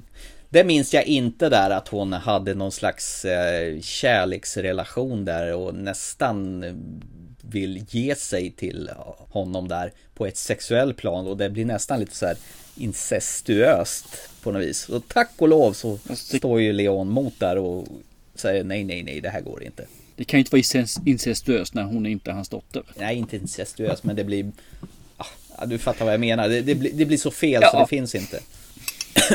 I originalskriptet, manuskriptet, så ja. har de faktiskt sex. Och fy fan. Och det är fler sådana här saker som finns liksom i originalmanuskriptet när man kan läsa det. Hur han gjorde det här då, Luc Besson. Där hon, hon är mycket mer utmanande och i det här då, i, just när de har sexet så tar hon av sig trosorna, har klänningen på sig, sätter sig i knä på honom och han gör, kan inte göra motstånd för hon är ju så vacker fast det är så fel. Mm. Det är så jävla gubbsjukt så att det är ju helt äckligt där mm. faktiskt. Pedofilvarning på den eh, gubben alltså, när han skriver det här. Nästan, jag, man tycker illa om filmen bara för att man vill läsa om den, vad han har tänkt sig att göra egentligen från början. Mm. Nu skrevs det om då i det här fallet då. Jag hyrde den på Google, eh, Google-butiken. Gjorde jag. Mm. Eh, och jag minns faktiskt inte det här att hon eh, vill kyssa honom och att hon vill att han ska vara den första och sådana grejer. Så undrar om det här är den här Directors Cut-filmen. För jag har läst om att det finns två olika versioner där det här intima blir nedtonat. Det är nog mycket möjligt för i när de visade upp den för folk så tyckte folk att det var pinsamt. Så folk satt och fnissade och skrattade och tyckte det var lite o- otäckt liksom. Så här, obehagligt. Man blir lite Så de obekväm. plockade bort mycket av det. Ja, de plockade bort de sakerna. Så det är mycket möjligt att de har lagt till de här. För jag har inte... Jag har ingen aning överhuvudtaget heller ska jag erkänna. Nej. Ja, Det, det känns som det är massa scener som eh, är tillagda i den här. Den, Mm. den, den känns som den var längre än vad jag minns den också. Ja, precis. Kollar man på IMDB så är filmen en timme och 15 minuter och den jag såg var 2.12. Det var min också. Så att det, det är nog tillagt en hel del där kan jag tänka mig. Så att, Så då har vi sett den extra långa versionen. Yes, som vanligt. Ja, såklart. Och sen kommer inte jag ihåg att eh, Jane Renos karaktär, att han var ju mer eller mindre utvecklingsstörd ju. Eller inte, i alla fall inte riktigt alla hästar hemma. Knivarna gick inte ända upp, eller vad säger man för någonting? Nej. Nej alltså, han, han, han beter sig nästan lite störd. Man säger, riktigt långsam i skallen. Jo, verkligen. Och jag, jag kommer inte ihåg det alls. Jag kommer ihåg honom som en cool figur liksom. Ja. Men när jag tittar på den här filmen nu så är han ju en pojke i en vuxenmans kropp som går runt och mördar folk för att få pengar. Vilket han inte ens har för då har ju Tony hans pengar. Ja, han, han, ja precis. Han spelar så Danny Aliello som brukar vara med i allehanda maffiafilmer. Så fort det finns italienare med så är han med. Ja men du har rätt, John Reno han känns lite trög och lite efter. Och han kan ju inte läsa heller, kommer det ju fram till då. Den här scenerna när de eh, leker tillsammans, de minns jag inte heller när hon låtsas vara Madonna, Charlie Chaplin och Marilyn Monroe. Och sen har de vattenkrig tillsammans. Det kommer jag inte heller ihåg. Jag undrar om det är tillagda scener också. Men det skaver lite på filmens ton tycker jag. När de försöker lätta upp det. Att det ska bli lite glättigt. När hela hennes familj nyss har blivit mördad. Och sen håller de på och latchar tillsammans och där. På så vis. Ja, för jag hade tank, jag har ju känslan att den var mycket mörkare och mer actionbetonad som jag såg den. Men det är sagt, det är jättelänge sedan jag såg den och Mm. mitt minne av den är ju i bästa fall eh, taskigt. Jag, jag tycker den här filmen är det är som du säger, den skaver lite grann för ibland är den glättig och ibland så är hon ena sättet och ibland så vill de visa upp en andra. Och ibland är ju då, ja men ta då som eh, eh, Gary Oldman, hans karaktär där är ju over the top och ska vara äcklig och vara brutal. Och i andra fall så är det nästan lite komedi i det hela. Eh, filmen vet inte riktigt vad den vill ta vägen någonstans. Och sen finns ju actionscenen där som är riktigt, riktigt bra. Det ska man ju inte mer än säga. Mm. Slutactionscenen är ju eh, suverän. Jag älskar ju den. Den är ju nice värre alltså. Jag älskar ju när han håller på att tränar upp henne när de går hem till folk, klipper av kedjan och bland den första där att hon får övningsskjuta på någon kriminell med sådana här färgampuller Mm. istället. Precis. Och han, och han inser att det är en knarklangare och sen när hon är färdig att träna klart då skjuter han honom på plats. Det är ju så jävla Ja men det är ju så lejonen gör ju. Nu, kan du leka med maten och när du är klar med det så dödar jag den så äter vi. Jag gillar ju Gary Oldmans Stansfield för han är så här riktigt jävla knäpp och det märks ju när han tar sin den här gröngula tabletten som han har i det här etuiet som man får skaka lite grann så här. Det är lite så här ritualgrej han gör. Och så tar han det där och biter på det där, vad heter det, tabletten så själva ämnena frigörs i munnen så knäcker han på nacken ungefär som att han vrider ryggraden ett kvartsvarv. Och sen blir han ju hög som ett jävla hus och går besärk. Alltså, och verkligen pendlar mellan galen och full fokuserad. Han är ju för jävla härlig som psykopat i den här filmen tycker jag. Även om han Och spelar ändå över. svårt att se honom så tänker jag bara bara Sorg. I det femte elementet. Där är ju Det är det också- enda jag tänker på. Så fort jag ser honom så är det alltid Sorg jag tänker på. Ja, men det är ju Luc Besson som gjorde den också. Så att han fick ju hänga med där ett tag. Ja, inte, inte så egentligen. Han hängde faktiskt inte med till femte elementet. Utan han hängde med till Leon. Var det så det var? Det var tvärtom? Ja. Ah, okej. Så femte elementet skulle de egentligen spelat in här. Men det gick inte för, eh, just nu tappar jag namnet. Vad heter han, våran Die Hard-gubbe? Bruce Willis? Ja, Bruce Willis. Han kunde inte för han hade upptagen i annat. Aha. Så då fick de flytta fram den filminspelningen. Ja, så då skrev han den här, vad heter det, Leon, vad heter manuset, snabbt som attan bara på några veckor. Och sen så filmade de in det på ytterligare några veckor. Och sen så, för han hade ju folket som stod där i alla fall, liksom bara väntade. Mm. Så då gjorde han, gjorde han en film medan han väntade på att köra femte elementet. Gjorde han just den här då, Leon. Så utan den så hade det inte blivit någon. Vad häftigt. Jag som är så här musiknörd när det gäller de här filmerna. Tänkte du lite grann på hur musiken lät genom hela den här filmen? Nej, faktiskt inte. Nej, den här lär ju ha kommit före Goldeneye gissar jag på. Eh, Den här är från 94. Och Pierce Brosnans första Bondfilm Goldeneye, de måste ju ha plankat soundtracket för den här. För du har ju en sån här blong, blong, det låter som sån här steel pants trummor som, som låter eh, och, och nästan lite så här julbjällrigt genom den här filmen och det återkommer väldigt ofta. Och det är exakt den musiken som de har i introsekvensen i, i Goldeneye när Pierce Brosnan kommer vid den här höga dammen och hoppar ner och tar sig in i det här äh, ryska komplexet där innan han äh, spränger stället och drar iväg med Sean Bean eller och han blir avrättad. Exakt samma musik. Jävlar vilken plankning det blir från, från ett soundtrack. Det var så jäkla uppenbart. Och sen i vissa delar av filmen så är det så här klassisk, vad ska man säga, dragspels, äh, alltså sån här typ Paris-fransk musik. Som man tänker på baguetter och folk med randiga tröjor och basker. Sån musik. Så det, det, det blandas verkligen högt och lågt där hur soundtracket ska låta. Men just det här Steelpan soundtracket, det, det var så, ah, det där är Goldeneye. Eller det är nog Goldeneye som är Leon. Jag skulle vilja erkänna att jag hade glömt bort att det var Natalie Portman som var tjejen också måste säga det. För jag får skämmas lite grann för det. För det hade jag glömt bort. Men det syns ju att det är hon ganska hårt. Ja, jo, men hur ofta tittar jag på den här filmen eller på de här bilderna tror du? Ja. Men hon spelar för jävla bra redan här i, som ung tjej. Hon ska ju spela 12 så jag antar att hon är någonstans i den åldern också. Gissar jag. 11 var hon när hon spelade den här filmen. E- 11. Och hon eh, Mm. spelar ju på ett väldigt vuxet och sånt här, jag har, jag har förlorat allt, jag måste bli vuxen fort. Det roliga är ju att hon eh, röker ju i den här filmen. Ja. Och eh, då var hennes föräldrar väldigt oro- oroliga för just det här med rökningen. Så Mm. de satte krav att max fem scener där hon har en cigarett. Hon får aldrig någonsin visa sig att hon tar ett bloss eller andas ut rök. Det finns inte med i filmen. Nej. Och hon ska sluta med rökning innan filmen är slut. Ja men det säger ju han Leon till nu. Ja, precis. It's bad for you, it will kill you. Han har ju sina Så goda råd. Ja, ja visst alltså. Men jag säger bara, Natalie Portman som sagt var, hon kommer inte upp i nivån som hon hade i V för Vendetta i alla fall. Där är hon som bäst. Men herregud, här är hon ju jätteung men måste ge, hålla med om att hon är förbannat bra för sin ringa ålder här i. Hon är bättre i V för Vendetta. Ja, ja, ja, okej. Jan Reno då? Gillar du honom i den här? Nej, det gör jag faktiskt inte. Jag tycker inte om hans eh, ointelligenta sätt att spela i den här filmen. Alltså jag, jag tycker inte om hans karaktär. Jag tycker ju att han gör ju säkert ett bra jobb. Men jag tycker inte om karaktären, att de gör honom till ett dumhuvud. Det, det irriterar mig faktiskt. För det, nej, jag, jag, nej, usch. Det skav, skaver för dig alltså? Ja. Ja, det gör det. Det blir fel alltså. Jag tänker bara på Rainman hela tiden. Han, han är fan lite lik Dustin Hoffman när du, när du säger det faktiskt. lite så här samma truliga mun så här när han ser lite förvånad ut. Så här. Men när Nej, han det, det gick inte alls hos mig det. stickade tröja, John Lennon-glasögon och hon vill imitera honom och ser likadan ut. Mm. Jag tycker de är gulliga tillsammans när de går på Assassins turné. Mm. Ja, nej. Det här låter som inte du är så jävla frälst på den här filmen när allt kommer omkring. Nej, det är jag faktiskt inte. Den här filmen, och jag tror nog att tyvärr att den har fått sig en törn när jag läste om det här originalmanuskriptet. Hur de lägger till ännu mer sexualitet Ja. egentligen från början. Och jag blev så jävla irriterad på Luc Besson liksom att han sitter och skriver ihop ett sånt här manus med en tjej som han bevisligen skriver ska vara runt 12, 13, 14 i filmen. Och att den, hon ska ha sex med den här personen och det ska, hon ska vara sexuellt, sexuella scener och sådana saker. Jag är bara asförbannad alltså. Ja. Så att eh, det drog ner utav helvete ska jag erkänna. Och sen tycker jag filmen är, den är inte så bra. Alltså den, den hjälper, nej den är, jag kan inte säga mer för jag, den gick inte hem alls hos mig den här filmen. Nej. Och nu vet jag att folk kommer säkerligen tycka att det är fel för de highlightar tycker säkert att den här är mycket bättre än femte elementet vilket jag lägger högre än den här.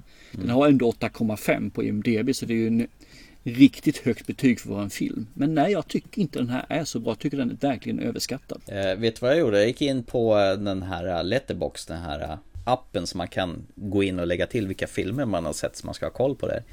Jag gick Mm. in och satte 5 av 5 på den här. Oj, okej. Mm. Wow. Had, vad tro, hade du rätt nu då vad jag tyckte? Ja, den här hade jag faktiskt ingen åsikt om för jag visste inte hur det skulle vägen någonstans. Ja, jag tyckte den här var svinbra. Jag tyckte det här var en riktig jävla ride alltså. Om man, eh, jag hade gärna att, eh, kanske velat sett originalfilmen utan det här eh, sexuella anspelningarna på, för det är inte med i den här. Jag är övertygad om det. Lu- Luc Besson är någon jävla snusgubbe. Han har faktiskt varit ute och halkat där och blivit anklagad för sexuella trakasserier och Mm. jag vet inte fan om han har blivit fälld också. Jag har för mig jag läst om det där, så att han, han har nog lite så här tvivelaktiga grejer i sitt huvud som borde renas bort lite grann kanske. Men bortsett från det, jag tycker det här är en helt jävla fulländad film. Jag älskar den från början till slut. Jag tycker den är toppen. It. Ja, ja, där går vi ju isär för jag tycker den här är medioker som bäst. Och sen så, jag, jag tycker ju som sagt Natalie Portman gör en riktigt bra grej här alltså. Och jag kan inte Mm. säga något annat. Gary Oldman har ju också en härlig karaktär. Men det räcker inte för resten av filmen alltså. Nej, det, jag stör mig för mycket på de sexuella anspelningarna. Jag stör mig för mycket på att han är en dumbom. eh, Störd person, det är han Leon i det här fallet. Så att jag får inte ihop det. Jag bara säger bara nej. Det här går inte. Jag köper inte det. Och jag gillar hans eh, störda personlighet faktiskt. Lite så här tafatt. Han sitter på biografen där och sen eh, ser han Gene Kelly åka rullskridskor i Singin' in the Rain. Det är ju en scen dessutom när, när hon imiterar massa, ja, Charlie Chaplin, Madonna imiterar Marilyn Monroe, så kommer det till Gene Kelly. Och då tittar han ju upp lite så här, ja, det där känner jag igen. Så lite, hans tröga hjärna går i varv där. Men samtidigt när han är ute och gör sitt jobb, när han kommer in i ett rum, han ser fönstren, han ser, går in och tittar i alla rum, ser alla faror, alla analyserar själva skådeplatsen och då Saken är den att jag köper inte just det att han har kommit och blivit så duktig på att vara mördare och lärt sig sådana saker. För att han är för dum i huvudet för att komma så långt. Han skulle blivit mulad för länge sedan. Misslyckats med uppdraget innan han ens lärde sig att göra de här sakerna. Men hallå, men du har fel. Den har 8,5 av 10 på IMDB och 1,1 miljon har röstat. Hallå? Du, Adolf Hitler blir Ja. framröstad med 42 procents Ja, 42 procent av befolkningen röstade fram honom i Tyskland. Var de smarta de också tycker du? Men vad fan, jämför du Adolf Hitler med Luc Besson här då? Jag säger bara det, bara för att det är 8,5 i betyg så innebär det inte bra. Det är bara att de som har sett den här är idioter. Nej, det ska jag inte säga. Nej, men jag, jag kan förstå vad folk tycker att den här filmen är bra, men jag retar mig för mycket på de här sakerna. Att han är en imbecill person och de här sexuella inviterna som jag tycker är så jävla fel i dagsläget alltså med dagens mått mätt. Det är så fel. Hade han gjort den här filmen idag så hade han blivit utkastad med huvudet före från 43 våningen och aldrig mer fått göra en film. Det är som Roman Polanski som inte är välkommen tillbaka i USA då, helt enkelt. Stämmer, stämmer. Samma sak där som sagt var. Så att det, det, det här är liksom en försvunnen tid. Den här gjordes på 90-talet. Redan där kan jag tänka mig att det var lite suspekt eftersom de klippte bort mycket av det. Och idag är det ju nej, nej att ha det här. Som du sa, incestuösa. Men det här pederast-sakerna blir det inte heller. Det? Pederast är pojke. Men pedofilvarning då i det här fallet då. Nej, jag går, jag blir förbannad när jag ser den här jävla gubbsjuka Luc Besson-idioten. Eh, Ursäkta, jag går verkligen igång nu tjejerna. Men, äh, jag, jag tycker det är så fel alltså. Jag tycker det här, sådana här filmer ska nästan raderas ut alltså. Det är för nära. För att det ska vara okej att visa idag. Nej, på något sätt så förbisåg jag det hela. Det är väl för att det inte hände någonting. Det var väl kanske det som var grejen, att han motstod hennes påtryckningar. Det var väl det kanske som försvarade, jag som ser det som ett försvar. Men att du har läst om att manuset sa någonting annat, det, det hade inte jag velat höra egentligen. Så blablabla. det, det, det, det hamnar inte med i den kreativa processen. Det, han tryckte bort det hela. Mm? Usch! Yes. Fy! Jag håller med. Ja, precis. Fy fan vad äckligt. Ja, det, det är som att gå och olla på fönster. Det ja, kan man inte det gör man ju bara inte. Nej, fy, vad äckligt. Ja, nej men eh, då var vi klara för ikväll gissar jag på. Ja, men det är vi va? Absolut. Vi har pratat om tre tv-serier. Midnight Mass, Wheel of Time och eh, vad heter den den här animerade saken? Arcane. Arcane. Och vi har pratat om Escape Room 2 som var det mest schizofrena film som finns i två olika versioner. Två början, två slut och olika titlar och fan hans moster. Vi gillade Last Night in Soho väldigt väl i alla fall. Både du Ja, och jag. absolut. Jag kanske lite mer än dig. Fast du är ju beredd på att höja den om du ser om den eller om den får smälta lite grann. Candyman, det var skit tyckte jag. Du tyckte att man fick vad man förtjänade eller vad man förväntade sig. Vad man förtjänade, den tycker jag om. Och Leon var en jävla äckelgubbe i din värld och jag tyckte filmen var en 5 av 5. Eh, Där har vi kvällens program i ett eh, kort eh, samman, snabbspolningssammandrag. Och ska, ska vi tisa lite grann till nästa avsnitt så ska vi öppna tomtesäcken i och med att det snart är jul och dra igång med en riktig toppen-tävling som ni inte vill missa. Precis. Och det kommer Mm. komma överraskningar där också som sagt var. Det blir nya filmer. Men vi kommer Mm. även kunna kanske om det finns någon som lägger är eh, med tävlande och gör det jävligt snyggt så kan det finnas tröstpriser där också. Om man inte vinner. Så kreativa ådran fram och eh, smöra. Det brukar fungera ju. Ja, toppen. Nu är vi klara tycker jag. Ja, Jag känner mig helt uttömd och förbryllad och förskräckt samtidigt. Eh, Det var väldigt, väldigt kul idag. Det var en väldigt bred och varierad filmskatt vi har gått igenom här. Det har skjuts högt och lågt, eh, vi dissar och hissar, men det är väl som det ska vara i ett sånt här program. Man kan inte gilla allt och man kan inte tycka allting är bäst heller. Jag är mest nöjd med att jag tog eh, tre stycken av eh, fyra filmer för det. Att jag visste vad du tyckte om dem. Bjäbb, bjäbb, bjäbb. Det är lite äckligt att du känner mig så här pass bra. Fast å andra sidan, vi har hållit på sedan 2013, så någonting har du väl lärt dig längs vägen? Ja, absolut. Jag har inte lärt mig att tycka om Luc Bessons Dion än. Det kommer aldrig ske heller. Nej, nej, nej. Men femte elementet, den går du igång på va? Ja, fast det tog, första gången jag såg Femte element tyckte jag inte den var så bra. Den har kommit nu Nej. efterhand faktiskt. Så att det, det, det var en sån här liten eh, slamkrypare. Multipass, Mm. multipass. Den är jättegullig. Ja. Ja, det är nej men du, till eh, nästa avsnitt då när vi har fullpackat så säger vi det vi alltid vill säga. Från mitt håll, chip chip. Och vi avslutar podden. Ja, det är med. Absolut. Hej på er! Hej då!